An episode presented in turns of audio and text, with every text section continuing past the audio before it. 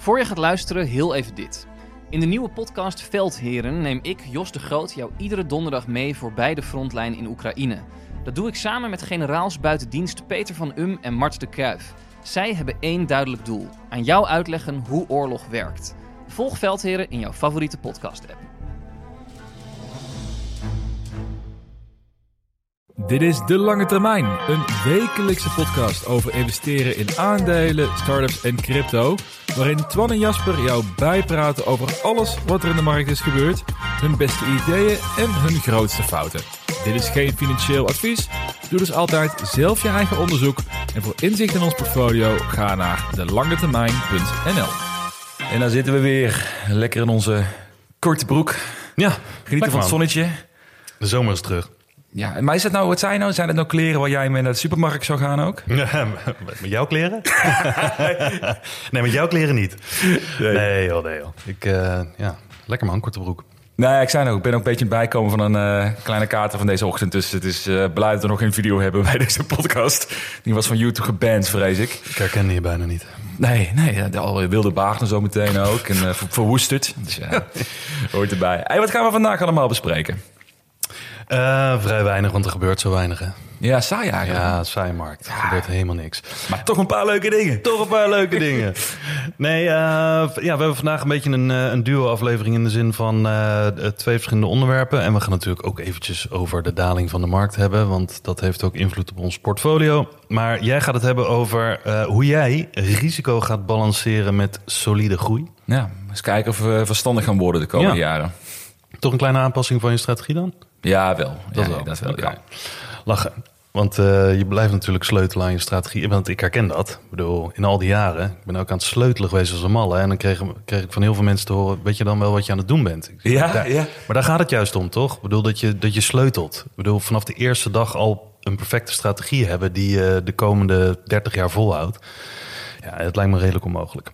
En uh, ik heb nog uh, iets leuks. Daar had ik ook op Twitter wat over gepost. Of over, op X. Ik ga gewoon echt Twitter Laten we gewoon Twitter ja, blijven noemen. Dat, ik ben uh... helemaal gek van. Alsof ik een porno loop aan te kondigen of zo. Maar weet het, nee, ik had een leuk gesprek met iemand gehad. En dat bewijst maar weer eens... Ik lees heel veel en ik hoor heel veel. Maar die wist me toch nog te verrassen met iets wat eigenlijk heel logisch klinkt. Ik was al geïnspireerd geraakt door zijn verhaal over hoe hij uh, passief inkomen wil opbouwen. Maar dan niet op de manier zoals veel mensen dat doen door al hun salaris, of eh, zo groot mogelijk deel van de salaris in dividenden te doen. Wat, wat uiteindelijk passief inkomen geeft. Maar hij is echt actief aan het treden. Ja. En alle winst die hij maakt, um, hè, als die winst maakt, dat gaat dan naar een dividend-ETF. Dat, dat, dat, ik, ik zag hem bij langskomen op Twitter. Dat lijkt mij zo'n water- en vuurstrategie. Ja. Met één extreem aan de ene kant en een extreem aan de andere kant. Maar daarom vond ik het juist zo eh, inspirerend. Omdat hij liet me ook wat dingen zien. En ik, eh, ik heb hem wel beloofd om geen bedragen en zo te delen. Hij heeft niet alles laten zien in die zin hoor, qua bedragen. Want dat vond hij ook een beetje pijnlijk. In die Mhm. zin van, hè, dat, dan weet ik hoe, hoe die ervoor staat. Toch een beetje taboe. Hè? Ja, hij weet het. Uh, maar het, het werkte wel. En ik vond het wel echt heel interessant. Dus hij, uh, ja, weet je, hij, uh, nou, daar gaan we het zo over hebben. Maar ik vond het een hele interessante strategie. Het zal Ja. niet voor iedereen werken. Voor mij trouwens ook niet. Ik denk dat het veel stress kost. Nee, wel leuk. Dit is wel een aflevering waar we dus wat portfolio-strategieën weer gaan Ja. bespreken. Misschien een beetje opvolging op die ene aflevering die we een tijd geleden hadden. Waar, Mhm. we, waar je een sneltreinvaart door allemaal verschillende stijlen zijn Ja. gegaan ook. Dus dit is weer een uh, soort mini-opvolging, kunnen we zeggen. En strategie is natuurlijk de basis. Ja, nou ja, exact. Ja, en trouwens over X gesproken. Ik zag daar een post op langskomen op Reddit een tijd geleden. Dat iemand had een, uh, dat, dat abonnement op Twitter, dat, dat wij, wat wij ook hebben, dat Ja. subscription abonnement. Mhm. Had, die, uh, had diegene afgesloten op de creditcard van zijn ouders. Ja. Maar dan krijg je als afschrift staat daar... Uh, je betaalt 8 euro voor x.com. Ah. Uh, dat je een gestuurd bent. Hij zo hebben we weer niet opgevoed. Hè? Dat, dat is het site van onze creditcard. Ga maar uitleggen. En dan al helemaal als je ouders zien dat je tegenwoordig ad revenues krijgt van x.com. Oh, inderdaad. Hoe kun je verdienen aan een porno-site? dat, dat je ook 's ochtends als je wakker wordt... dat je ouders op de bank zitten en zeggen... kom maar even beneden bij ons zitten... want we moeten even iets bespreken, weet je. Ik heb, ik heb mezelf weer verkocht op de hoek van de straat. ja, precies. Ja. Nou, lekker Um, nou, daar gaan we het dus over hebben. We gaan het hebben in de Vriend van de Show aflevering... over een aandeel waar jij 40.000 euro winst op gemaakt hebt. Ja, in een jaar. In een jaar tijd. Een, lang, een uh, hele tijd geleden. Ander aandeel dan wat jij nu ja, aanhoudt. Hè? Heel ander type aandeel. Ja. Dus uh, ik ben benieuwd ook wat... Hè, het is best wel leuk om daar terug te gaan kijken. Mhm. En ook van wat waren de learnings daaruit. Je hebt toen ook al op het traden geloof ik. Zag ik langskomen erin. Het doe je niet minder. Dus ik ben heel benieuwd hoe dat zich heeft ontstaan. En eh, nou, hoe gaat het zo? We gaan zorgen dat we de volgende 14 dagen gaan binnentrekken. Hè? Zou ook mooi zijn. En, maar dat is voor de vrienden van de show. Voor 2,50 per maand kun je al toegang krijgen tot één extra aflevering per week.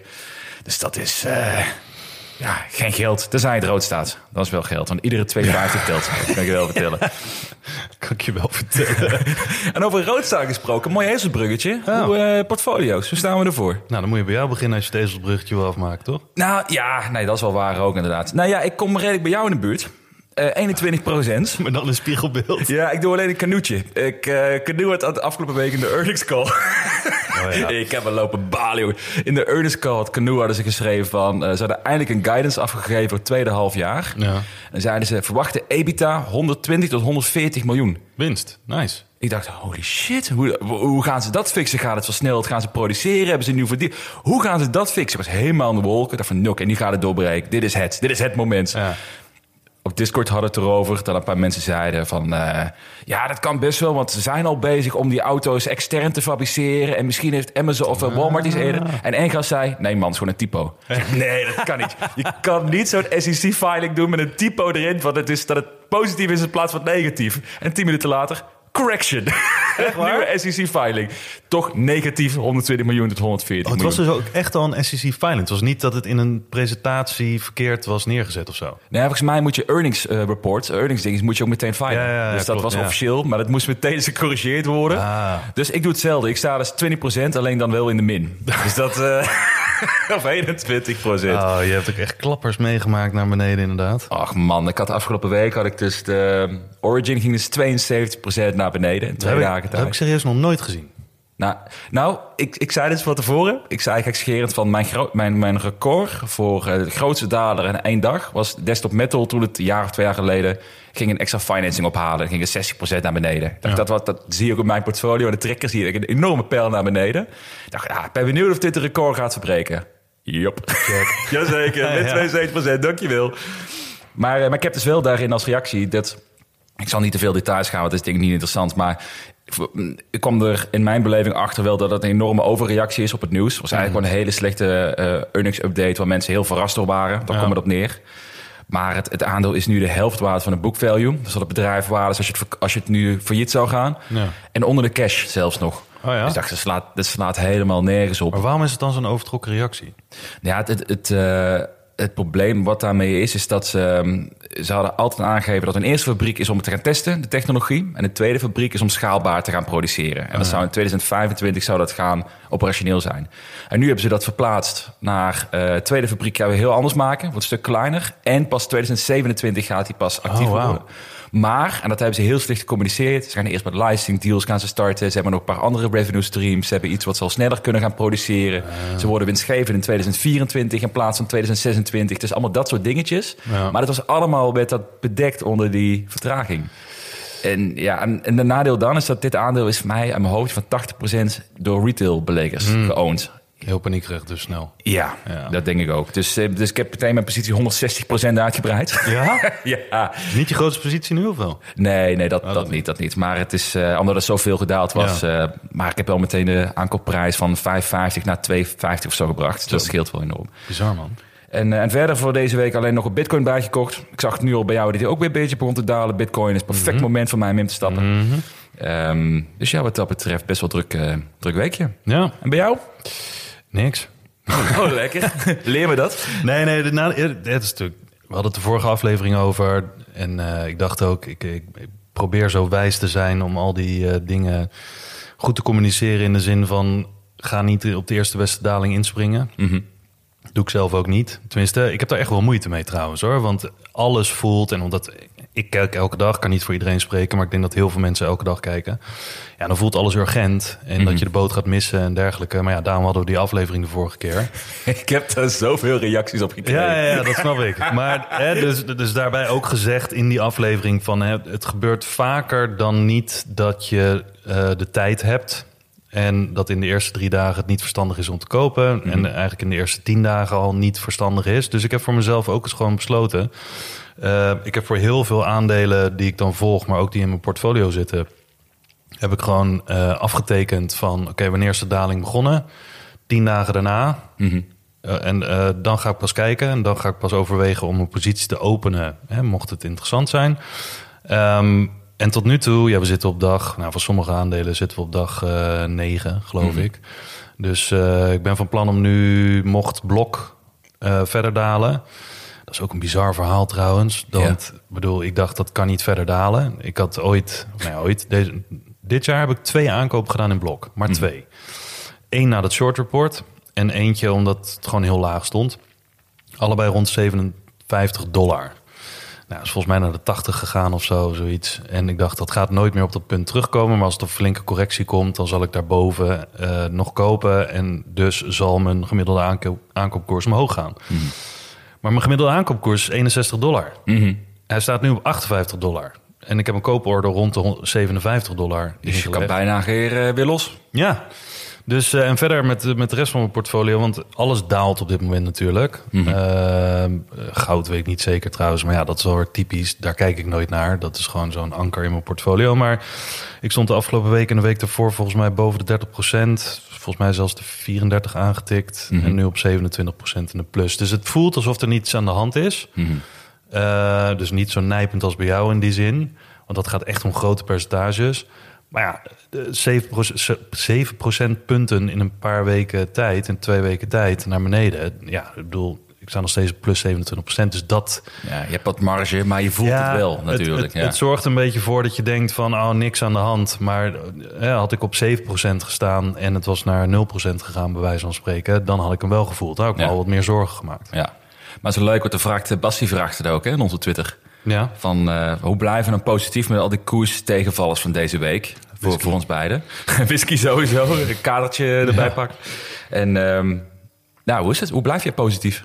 Al heb je Nou. natuurlijk wel met plus 27 heb je natuurlijk wel nog steeds een lekker, eh, lekker kussentje. Ja, ik denk dat er heel veel vertekent doordat ik nog steeds op 27% in de plus sta. Ja. Eh, dus dat dempt een hele hoop. Daar Hmm. ga ik echt niet lastig over doen of, of, rooskleurig over doen dan dat het moet zijn. Maar eh, ja, dat, dat dempt gewoon een hoop. En daardoor maak ik me nog geen zorgen. Maar ehm, hoe blijf je eh, positief?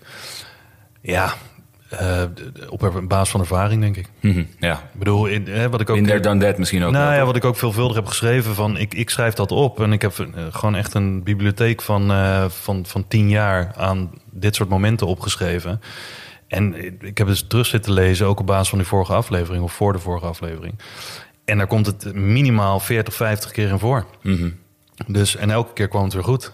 Tenminste, niet elke keer, maar de keren dat het niet goed kwam was als ik zelf een tegenstrijdige actie had gedaan. Ja, zo. Dus ja. dat, dat ik dacht slimmer te zijn dan dat eigenlijk op basis van mijn ervaring had moeten zijn. Dus eigenlijk gewoon blijven zitten als je gescoren wordt, Ja. ze zeggen dan, toch? Ja, precies. En gewoon heel rustig. Want ik zei gisteren nog tegen iemand die dat vroeg, want die stelde dezelfde vraag. En ik zei, hij zegt, wat doe jij dan? Ik zei, nou, ik hou mezelf altijd voor. Dit soort dalingen duren, duren altijd langer dan dat je wil. En het gaat altijd verder dan dat je denkt, Mhm. naar beneden. Dus gewoon heel rustig. Gewoon regels voor jezelf. Eén keer in de week inleggen bijvoorbeeld. Tenminste, voor mij dan. hè? Ja, ja, precies. En, eh, en dat soort dingen, dat, dat voelt echt super moeilijk. Ja. Ook nog steeds voor mij. Want elke keer denk ik, ah, vandaag kan het wel. Maakt nou uit als morgen nog steeds zakt. Maar ja, toch, toch wachten. Mm. Maar het geeft je wel houvast natuurlijk. Ja, Ja. ja daarom. Dus, eh, en ehm lange termijn portfolio staat op plus 17%. Die is, eh, die is zo'n beetje gehalveerd. Ja, inderdaad, ja. Maar ja, dat In weken niks tijd. met dat eh, natuurlijk best wel een volatiel portfolio Ja. uiteindelijk geworden. Ja, dus eh, top 3 is nog steeds Nvidia, Bezi en Coinbase. En de bodem 4, en daar gaan er twee van uit eh, aan het eind van de maand, is Fiverr, MP Materials, Block en Roblox. Ik heb trouwens nog één aanvulling op die vraag van Basti nog net. Hmm. Over die, hoe positief, positief kan blijven. Ik denk wat, wat ik zelf heel relaxed vind juist. Ik vind dat juist de kracht van een geconcentreerd portfolio hebben. Is dat je, als je 30 aandelen bezit en het gaat allemaal dalen... je, je kunt niet bij alle 30 checken waar het Nee. komt. Dus dan ga je of met de hele markt mee... En, maar je weet niet wat dan beter of niet, niet goed is zeg maar, in je portfolio. Maar als je er, zoals jij eh, bijvoorbeeld vier of vijf losse aandelen hebt... of ik heb nu zes aandelen... je weet je als het goed is heel goed wat die bedrijven doen... en je kunt meer verantwoorden waarom die daling er is... of. Ja. dat legitiem is of niet. Ja, Eh, dus je bent, je bent veel meer bewust ervan waarom een prijs daalt... en of je daarmee, ze noemen het even, mee eens bent, ja of nee... Ja, hoe ja, je daarmee moet omgaan... in plaats dat je wordt geleid door de koers. ja. Dus ik denk dat dat heel erg eh, helpt als je op die manier erin zit. Ik denk overigens wel met die hele daling. ehm, als je kijkt naar hoe de S&P ervoor staat, Mhm. nu na de recente top, volgens mij staat die 3,5% in de min of 4% in de min. Nasdaq volgens mij 6% in de min. eh, Ten opzichte van, eh, van de recente top. En dat is echt Ja, maar een paar weken ja. geleden. Of twee weken geleden of zo. Dus het valt allemaal nog wel mee. Ja. Het zijn gewoon de individuele namen die heel veel mensen hebben. En Tesla ook bijvoorbeeld. Die heeft ook even een duikeling gemaakt. Apple heeft ook een enorme duikeling gemaakt. Ja, dat voelt dan heel erg nijpend. Ja. Dat voelt heel alsof alles in de fik staat. Maar als je het op de indexen bekijkt, valt het echt wel mee. Nee, dat klopt. klopt. Ja, ik heb het gevoel dat we er ook wel heel, dat we wel heel erg gewend zijn dit jaar het snel stijgende koers Ja. hebben. Ik las een reactie op het IEX-forum van iemand. Had het over Adyen, ben ik nu naar aan het kijken onder andere. En die was, Adyen was 9% gedaald in een week tijdens iets. En er stond berichten bij met, eh, eh, ik weet niet wie het, wie het zei, maakt er niet uit. Van eh, waar komt deze meltdown nou vandaan van dit aandeel? meltdown. Zeg, meltdown? 9% in twee weken tijd? Wat? Maar zet die year- year-to-date grafiek eens eventjes op je beeldscherm... en kijk dan aan de rechterkant hoe die meltdown eruit ziet. Dat is echt een heel klein blikje. Maar ik bedoel, maar ik bedoel dat niet te ridiculiseren van diegene. Maar ik bedoel meer van af en toe is het goed in perspectief even Ja, terug daarom. te kijken. daarom. Dat, ja. eh, ja, joh. Allemaal die paniekerige headlines. Over paniek gesproken, zitten we in een recessie? Ja, officieel. Gefeliciteerd man. Ja, dankjewel. Dat, eh, Ja, toch voor elkaar dit. gekregen. goed werk geleverd. Ah, nee, dat is toch altijd zo mooi met economen. Maar ik las er vandaag weer een hele hoop over... omdat iedereen natuurlijk eh, op de retweet-knop drukt... en alle nieuwskanalen dat van elkaar overnemen. Maar ja, officieel zit je in een recessie... als eh, twee kwartalen achter elkaar het, eh, het eh, BBP negatief is. ja. En dat is nu zo.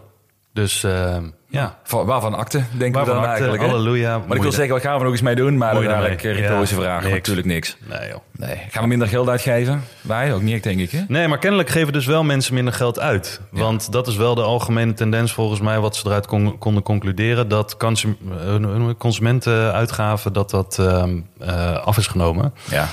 Eh, In vergelijking met eh, vorig kwartaal, vorig jaar. Ik, eh, joh, weet je, dit geeft ook weer aan. Ik, heb, ik lees die berichten niet eens meer echt goed, want maakt mij het uit. Nou ja, precies. Je volgt het bijna omdat we in de podcast erover willen hebben. Maar, ja. ja. maar eigenlijk denken we, ja, ja wat, wat heeft het allemaal voor zin? Het is gewoon termijn. CBS moet ook wat te doen hebben. Ja, zo. Hij zullen het gaan hebben over de aanpassing van de strategie. Ja. Is dat leuk? Want we hebben, ik heb al een klein beetje verteld van wat het eh, portfolio dit jaar bij mij gedaan heeft. Mhm. En ehm, we hadden het voor mij de laatste paar keren ook al over. Je zei net al bij de introductie van... het is juist denk ik, goed om af en toe die strategie te blijven herijken, zeg Ja. maar. Hè? Want je leert iedere keer ook. Ja. En, en ik vond het wel interessant, want we hebben al een keer... in het begin van het jaar geloof ik een keer over gehad... dat ik iets meer wilde gaan naar die solid growth bedrijven. Ik kreeg reacties ook op Twitter van... ja, maar ga je nu dan weer je portfolio aanpassen? En waarom doe je dat dan? En geloof je niet meer in ook? Maar ik denk nou wat jij zei, van jij moet af en toe wel gewoon blijven denken van wat is nu het beste voor je straat, voor je, Ja. voor je portfolio. Ehm, heb je nieuwe inzichten gekregen daarin? En wat mij nu wel steeds meer opgevallen is, en deels ook al gedreven door de resultaten van het portfolio, moet ook eerlijk zijn. Is het als ik nu kijk naar de resultaten vorig jaar was het slecht. Mhm. Daar dacht ik, dit jaar komt het wel een keer goed. Smart caps gaan omdraaien, het komt goed. Nou, nu weer op min 20%. Ja. En ik geloof er nog steeds in, in die strategie. Maar tegelijkertijd denk ik wel van ja, wat als ik mis zit? En wat als ik mijn geloof onterecht blijkt te zijn? Ja. Of dat ik gewoon een verkeerde beslissing heb gemaakt. Ja. En na twee jaar heb ik 90% van mijn geld kwijt. En dan nou, ben je zo lang bezig met in te halen. Ja, en als je dan wisselt van strategie, dan wissel je nog met een duppie. In plaats Ja. van misschien met 50 cent bijvoorbeeld. Ja, nee, exact. En eh, als je daar gaat doorrekenen hoeveel dat gaat kosten de komende jaren om het weer op te bouwen, dat is gewoon eh, heel pijnlijk. Dus ik dacht van, nou, misschien is het nu verstandig. Eh, ik ben ook wel een jaartje ouder om eh, toch iets meer zekerheid, iets meer zekerheid in te gaan bouwen. Eh, zonder afbreuk te doen aan ditgene waar ik in geloof. En toen kwam ik uit op, de, op een, de term die jij een paar afleveringen geleden noemde bij de portfolio-strategie, de, de barbell portfolio. En correct me if I'm wrong, maar volgens mij is het idee ervan is dat je riskantere assets een beetje gaat balanceren met meer solide assets, toch? Ja. Dat is een beetje het idee daarachter. Ja. Ja. Ja, en ik zit nu te denken van, nou leuk, ik geloof nog steeds in die small caps ehm, eh, daarin. Maar ze zitten natuurlijk in een verdoemhoekje. Ik wil iets meer gaan counteren met, een, eh, met bedrijven die iets meer fundament kunnen, kunnen bieden daarin. Dat wetende, dat gezegd hebbende, had ik ook gekeken naar eh, Terry Smith van Van Smith. Bekende groeibelegger is dat ook.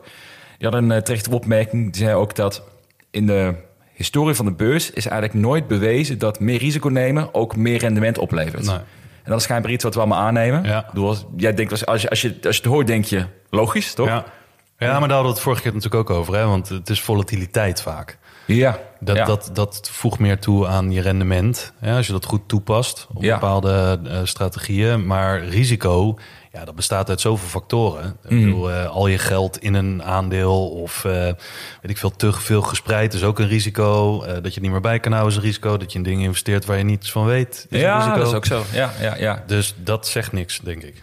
Nee, zeker. Nou, in dit geval bedoelde hij echt meer risicovolle assets die echt de kans hebben om naar nul te gaan. Dat betekent niet dat, omdat die kans om naar nul te gaan, de upside ook dan enorm hoog per se moet zijn, zeg maar. Dat was een beetje zijn uitgangspunt. Zoals Dogecoin heeft hij het daarover gehad. Ik, ik hoop het wel. maar dat klinkt best wel logisch. Dat ik, dan weet je wat, misschien moeten we dus iets gaan meer kijken naar een, eh, een meer gebalanceerd portfolio. Dus wat ik nu wil doen, is eigenlijk, ik heb het opgedeeld in drie eh, categorieën. Dus ik heb nu, eh, het budget wat ik nu heb, wil ik houden in de small caps. Ik ga dat niet nu verschuiven, want ik denk dat dat, eh, dat kan ik en mentaal niet aan om het niet te gaan verplaatsen. Laten we eerlijk zijn. Maar ik geloof er ook nog steeds in. Tegelijkertijd wil ik niet nieuw kapitaal meer erin gaan gooien. Ik wil niet nog meer gaan verbranden in dit soort bedrijven die gewoon misschien iets te veel eh, wegen, zeg maar. Ja. Dus wat ik nu ga doen is 30% gaat naar de, de future leaders, zoals ik ze noem. Dat zijn die, nou, de Canoes, ASD, Space Mobile, dat soort bedrijven. Die eh, in het begin staan van een S-curve, die echt future leaders kunnen zijn. eh, die echt een industrie kunnen verstoren. Eh, daar doe ik 30% heen. Ik doe 30% ga ik eh, opbouwen naar meer solide groeibedrijven. Dus ik denk dat het een beetje jouw categorie bedrijven ook wel is, over het algemeen. Ja. Bijvoorbeeld meer de nou, Shopify heb ik daar bijvoorbeeld ingezet. Ja. Coinbase, Adyen vind ik ook eentje die erbij past.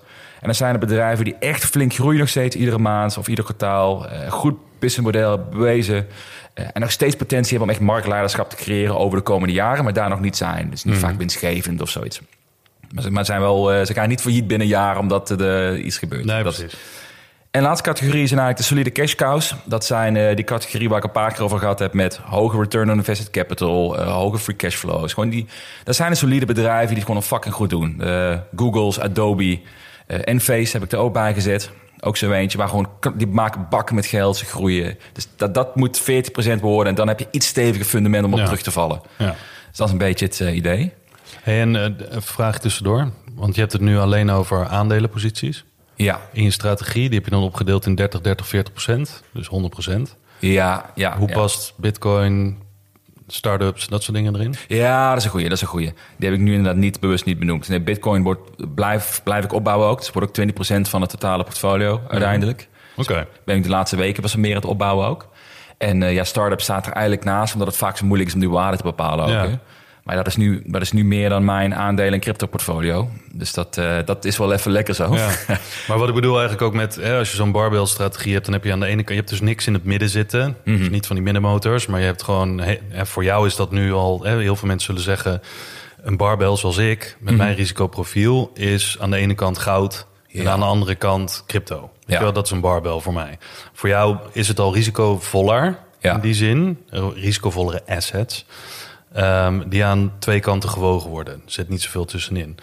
Maar als je kijkt naar je hele portfolio, dan heb je natuurlijk met startups en crypto heb je Mhm. ook van die, ja, waar zouden die in eh, zitten? In future leaders als het gaat om risicoprofiel?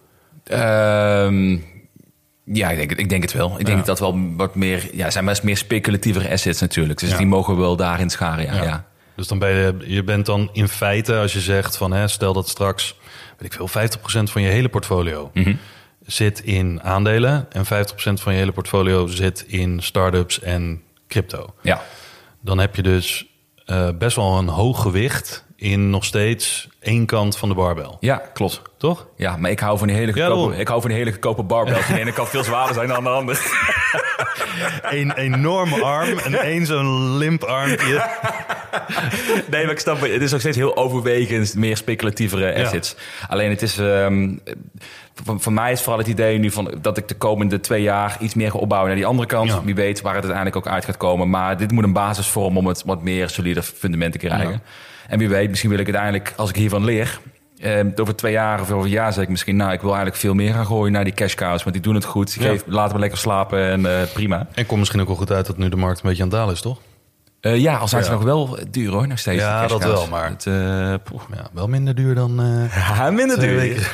Ja, nee, klopt. En wat ik zal doen trouwens, ik, omdat ik het niet te uitgebreid of te technisch wil maken in deze aflevering. En we gaan ook nog nu een- jouw onderwerp hebben over actief treden voor passief inkomen. Maar wat ik zal doen, ik zal de ik heb hele specifieke metrics bepaald per categorie van die drie. Van waar ik eh, aandelen op eh, selecteer of screen.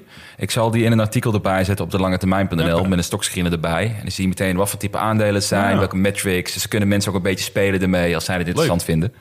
Dat is misschien wel leuker. Ja. En de afsluiting blijft wel dus bij 10 aandelen max. Want anders, ik denk dat ik op meer dan 10 ga je het probleem krijgen waar we net over hadden. Dat je niet meer weet waarom iets daalt of stijgt. Of Zit je daar nu al op? Tien? Ik zit nu op 6. Oh, je zit nu op zes. Je zit Ja. nog vier. En dan zouden dus vier alleen solid growth. Ja, nou, ik moet sowieso... Of eh, solid cash cows bedoel ik. Nou ja, ik heb nu natuurlijk iets, wat dat betreft iets te veel in de small cap zitten. Want ik heb nu Hmm. vijf posities small cap en, eh, en Google eigenlijk. Dus het zou, maar dit ga ik in de komende twee jaar een beetje herbalanceren. Dat dat eh, goed komt. Maar al het nieuwe geld moet inderdaad meer in de solid growth en de, de cash cows. Nou jongen, werk voor je geld. Ik hoop dat het geld een keer voor mij gaat werken in plaats van...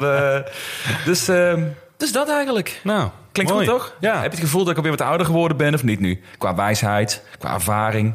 Ja, ja, je ziet er ook zorgelijker uit. Welkom in mijn wereld.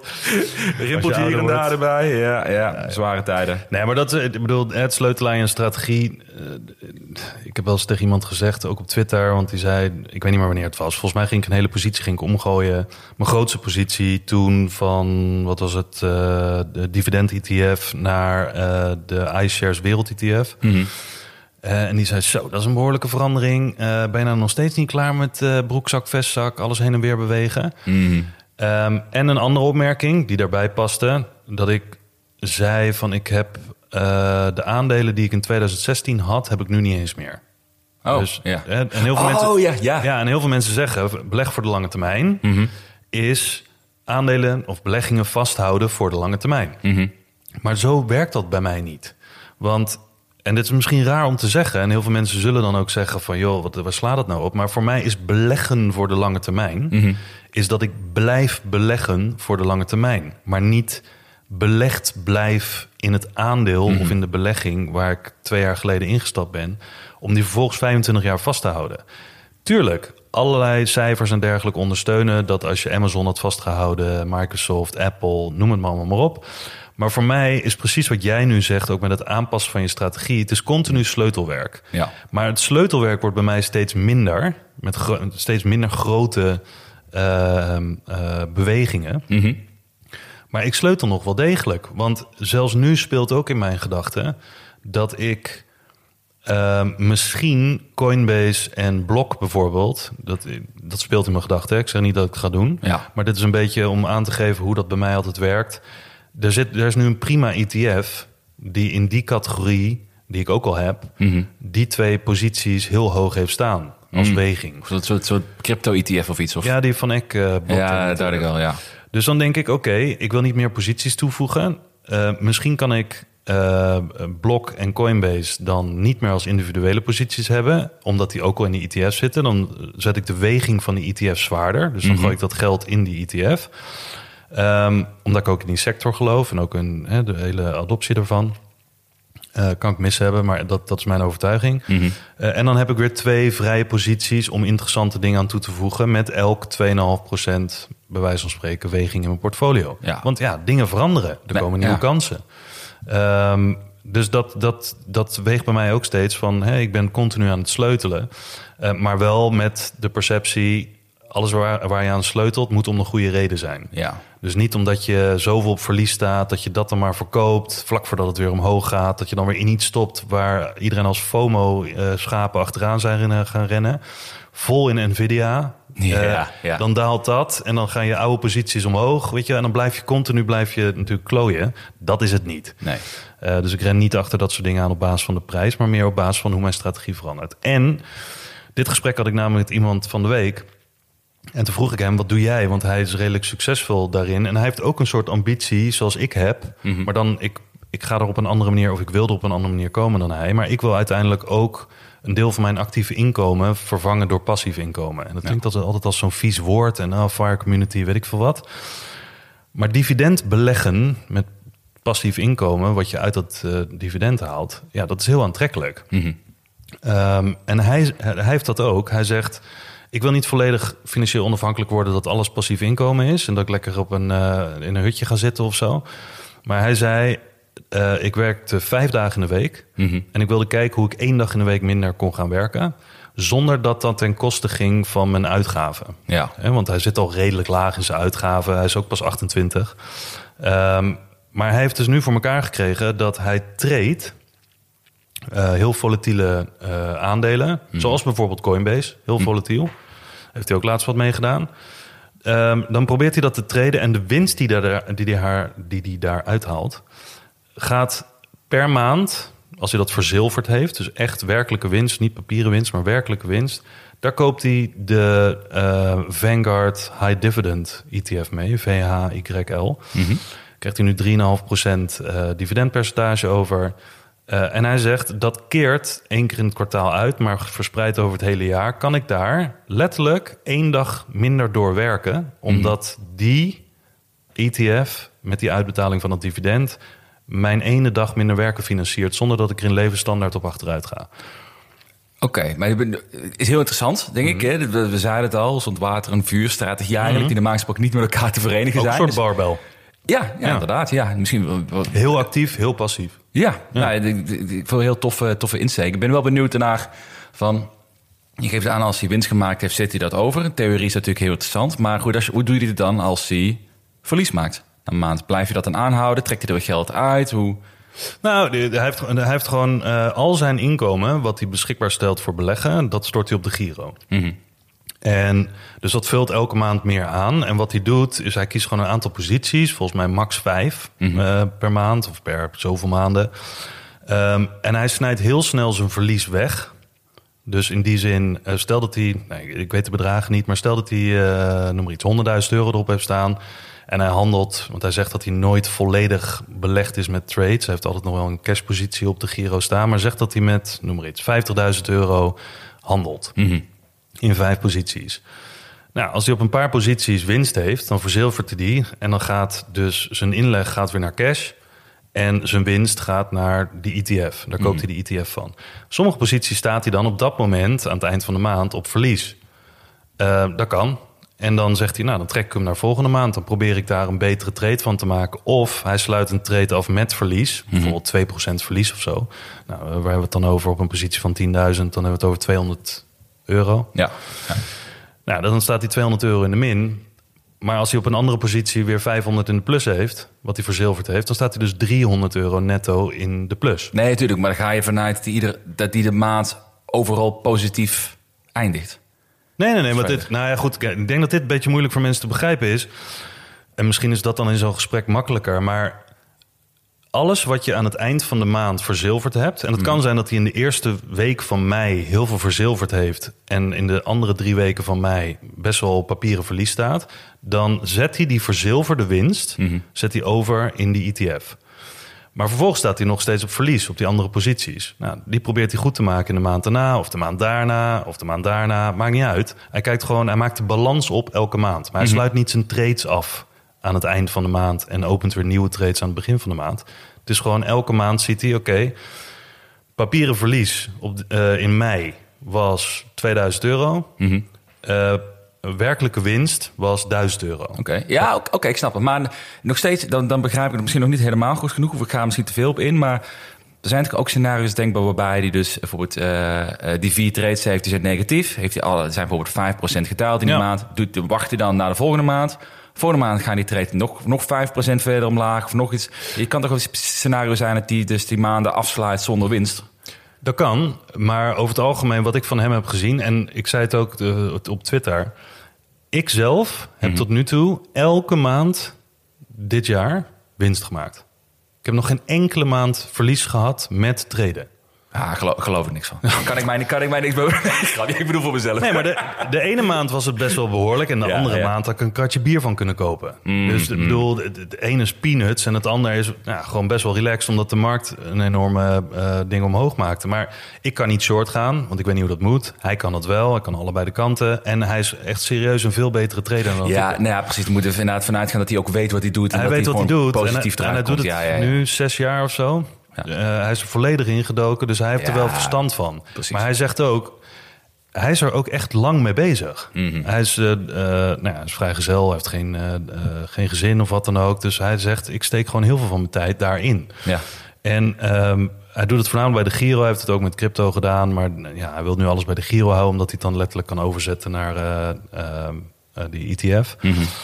En die ETF betaalt hem dan uit. En dan zet hij het cashbedrag wat die ETF uitbetaalt per kwartaal... zet hij dan over naar zijn bankrekening. En daar kan hij één dag in de week van financieren. Ja, wat ik wel heel sterk vind aan dit verhaal, wat je nu vertelde ook, is dat hij dus, eh, wat je volgens mij veel ziet, traders die dan 100% blijven traden. Hoe meer kapitaal ze krijgen, hoe groter de trades worden, Ja. hoe, hoe pittiger het wordt, ze blijven traden. Want ik kan me voorstellen dat het heel verslavend werkt. Ja. Als je weer 10% pakt en in de volgende maand heb je weer een paar duizend euro gepakt op traden.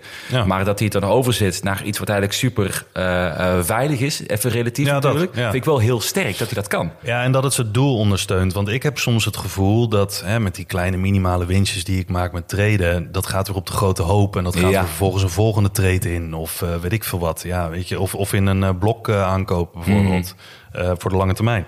Maar om nou echt te zeggen dat ik daar dan. Dat ondersteunt mijn doel wel. Maar het is niet zo specifiek als bij hem. Hij heeft Ja. gewoon echt.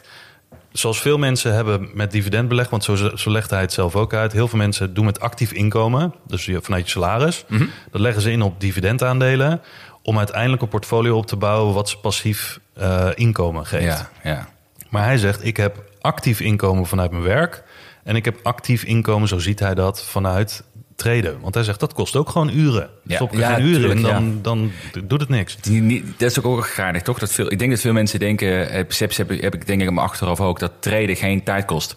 Van, Maar die- superveel. Ja, Dan, zit, dan zit je, die- dan zie je bijvoorbeeld de YouTube-video's, maar ik trade 20 minuten per dag en ik heb 10% winst gepakt. Maar denk van, ja, nee joh. En voordat je op dat punt bent dat je het kan en niet structureel Ja. geld verliest, dan eh, ben je ook alweer een hele Ja. tijd, nou zes jaar in dit geval dan bezig. Nou, Dus, dat. eh, en, en hij zegt ook van, joh, hij liet een beetje zien wat zijn regels waren en zo dan met dat treden. Mhm.